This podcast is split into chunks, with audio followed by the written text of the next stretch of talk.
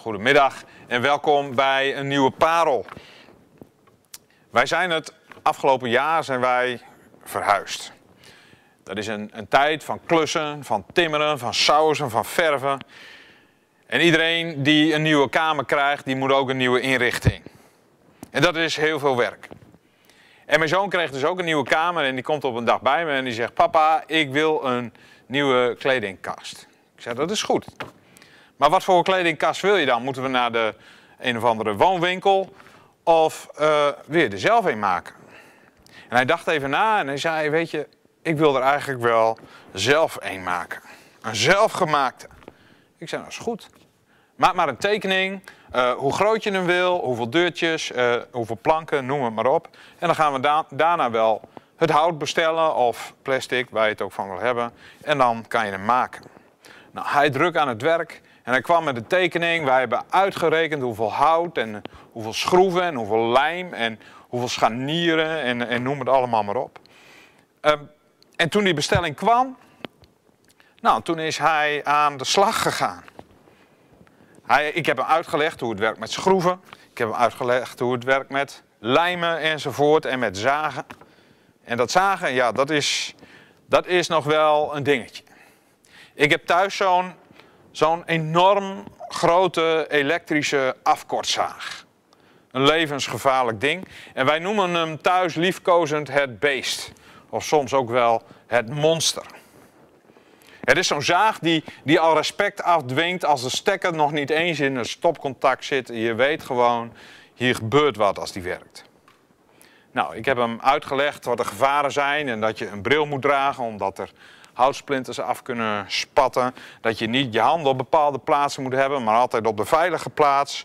Uh, hoe het zit met meten en met de laserlijn die erbij zit. Nou, toen ging hij enthousiast aan de slag. En een dag of twee, drie later was zijn eigen gemaakte klerenkast helemaal af. Er zaten mooie legplankjes in, deurtjes, keurig. En zeker, zeker voor de eerste keer als je zoiets maakt, was het, e- het is echt een hele mooie kast geworden. En al helemaal, al helemaal omdat het kereltje nog maar drie jaar is. Drie jaar en dan al zo'n mooie kast. Nee, nee, grapje natuurlijk. Hij is geen drie, want een kind van drie die laat je niet met zo'n gevaarlijk monster spelen. Een kind van drie die, die laat je niet met een decoupeerzaag spelen, nog niet met een echte hamer. Dat wordt een speelgoedhamertje. Nee, er is grote kans dan op lichamelijk letsel. En eerlijk gezegd, hij was geen drie, maar hij is inmiddels 19 en hij hoopt 20 te worden. En dan kan het onder de juiste begeleiding. Als je hem op de juiste manier begeleidt en alle gevaren uitlegt, dan, dan kan dat allemaal. Maar goed, uh, ik ben hier eigenlijk voor een parel. Uh, voordat ik dat vergeet, wil ik me daar even op focussen. En het valt mij op dat, dat er heel veel christenen zijn, als ik zo om me heen kijk en met mensen spreek, die worstelen. Die worstelen met zichzelf en die worstelen met bijbelteksten zoals bijvoorbeeld in 2 Korinthe 5 vers 17. Daar staat daarom, als iemand in Christus is, is hij een nieuwe schepping. Het oude is voorbij gegaan, zie, alles is nieuw geworden. En we kijken dan naar onszelf en dan zeggen we, ja maar hoezo alles is nieuw? Ik heb hetzelfde werk, ik heb nog hetzelfde gezin, ik woon nog in hetzelfde huis. Ik heb hetzelfde lichaam. Het is dezelfde wereld met dezelfde problemen. Uh, corona is niet weggegaan omdat ik toevallig een nieuwe schepping geworden ben. Wat is er eigenlijk veranderd van het moment dat ik geen christen was tot het moment dat ik het nu wel ben? Weet je, ik denk dat wij vaak vergeten wat voor essentiële dingen er allemaal gebeuren als wij tot geloof komen. We denken vaak, ja, maar dan, dan heb ik Jezus in mijn hart. Ik heb de Heilige Geest ontvangen. En nu kan ik enthousiast aan het werk in Gods Koninkrijk. En dat klopt. Maar het is wel een half evangelie.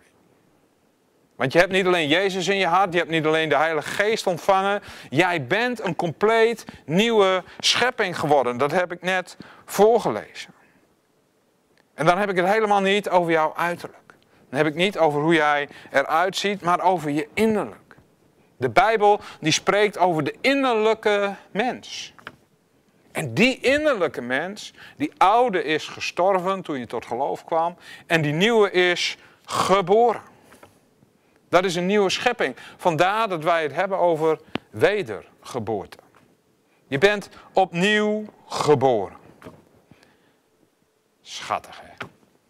Schattig hè, als je zo'n babytje bent. Dan kijk je erna en dan zijn we allemaal vertederd. En ik denk dat daarom ook is dat wij van die bekeringsverhalen zo ontzettend mooi vinden. Elke kraam heeft zijn eigen naam, zeggen we dan, als er een echt babytje geboren wordt. Maar dat is natuurlijk ook zo in de echte wereld, als je tot geloof komt. Iedereen heeft zijn eigen verhaal hoe hij tot geloof komt. En dan, en dan begint dat nieuwe leven voor dat pasgeboren geloofsbabytje. Voor dat pasgeboren nieuwe innerlijke vreetje die hierin zit. En net zoals bij een echte baby ja, hebben we hulp nodig van buitenaf. We kunnen het niet zelf, we hebben voedsel nodig. We kunnen onszelf helemaal niet redden. En Paulus die schrijft daarover in, in de eerste brief van de Korinthe, als hij in hoofdstuk 3, vers 2 zegt: Ik heb u met melk gevoed, niet met vast voedsel, want dat kon u nog niet verdragen. Hé, hey, wacht even, Paulus zegt hier iets interessants. Melk is voor baby's, vast voedsel is voor grotere kinderen en voor volwassenen. Hij zegt hij dus, er is groei mogelijk. Je kan groeien. We moeten groeien. We moeten volwassen worden. Dat is wat er opgesloten zit in dat idee van dat je een babytje wordt. Dat je een grote, volwassen, nieuwe innerlijke mens wordt. En dat vraagt toewijding. Het is niet zomaar dat je, als je drie jaar wacht, nadat je tot geloof gekomen bent, dat je dan opeens een volwassen christen bent. Nee, het gaat erom wat je hebt gedaan in die tijd. Durf je te vertrouwen op wat God tegen jou zegt en durf je daar belangrijke keuzes en stappen in te nemen? Durf je stappen te zetten in geloof, zo noemen we dat. En dat begint eigenlijk heel eenvoudig. Als je net tot geloof gekomen bent, de eerste vraag die er voor je ligt, is: zou je, nu jij een nieuwe schepping bent, zou je dat aan iedereen willen laten zien door kopje onder te gaan in een bak vol met water? Dat is eigenlijk een hele, hele eenvoudige stap om te laten zien van ja, maar ik heb een nieuw, ik ben een nieuw geboren kind van de Vader. Maar hoeveel moeite, hoeveel problemen zitten daar wel niet achter, achter die ene makkelijke stap. Misschien doe je het wel dagelijks onder de douche of in bad. Maar als het dan moet op een podium, omdat je zegt ik wil Jezus volgen, is het ingewikkeld. En weet je, er zijn altijd goede redenen om het niet te doen. Maar er is maar één goede reden om het wel te doen. En dat is om gehoorzaam te zijn en te groeien in geloof. En op die manier kan je stapje voor stapje groeien van dat melk naar dat vaste voedsel. Kijk, je gaat niet gelijk bezig met het uitdrijven van demonen. Weet je, dat, is, dat kan je vergelijken met mijn driejarige zoon, die, die met dat monster bezig is. Dat is gevaarlijk, daar kunnen ongelukken van komen. En nee, er is geen klasseonderscheid in, in de kerk. Maar voor sommige taken in de gemeente, in Gods koninkrijk, is nou eenmaal geestelijke volwassenheid vereist. De Bijbel zegt ook, als je opziener wil worden, dan moet je niet iemand nemen die net geboren is. hoe moet zo'n babytje? Moet die nou leiding geven aan een gemeente? En er zijn drie hele belangrijke redenen waarom je zou moeten willen groeien. En de allereerste is, het is heel erg goed voor jou. Het is goed voor jou. Groeien is goed voor jou. Want je leert elke keer dat je groeit, je leert weer iets meer over jezelf. Je leert iets meer van God, over zijn liefde. Je leert meer over zijn genade en wie Jezus is. En wat hij allemaal doet. Dat is fantastisch om mee te maken als jij gaat groeien. Het verdiept en het verrijkt jouw leven. Ten tweede, het is ontzettend goed voor de gemeente. Het is ontzettend goed voor de gemeente waar jij in zit. Want die gemeente die wordt sterker, die wordt stabieler als er geestelijk volwassen mensen zijn die daar lid zijn en die gaan werken in Gods koninkrijk. En dan zal die gemeente, die zo geestelijk volwassen is, ook in elk opzicht gaan groeien. Dan zullen er weer nieuwe babytjes geboren worden, die ook weer hun weg vinden naar volwassenheid. En die zich toewijden aan de kerk van Jezus Christus. En ten derde, het is goed voor Gods koninkrijk. Weet je, ik ben ervan overtuigd dat, dat die twaalf volwassen christenen waar de kerk mee begon, dat die meer impact hebben op de wereld dan 1 miljoen christenbabytjes. Dus het is ontzettend belangrijk dat als wij het koninkrijk willen uitdragen, als we daarin willen dienen, dat we geestelijk volwassen zijn. Maar de grote vraag is natuurlijk, hoe dan? Hoe kan ik groeien?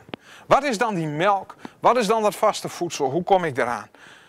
Nou, Watchman een belangrijke christelijke leider uit China, die zei het als volgt.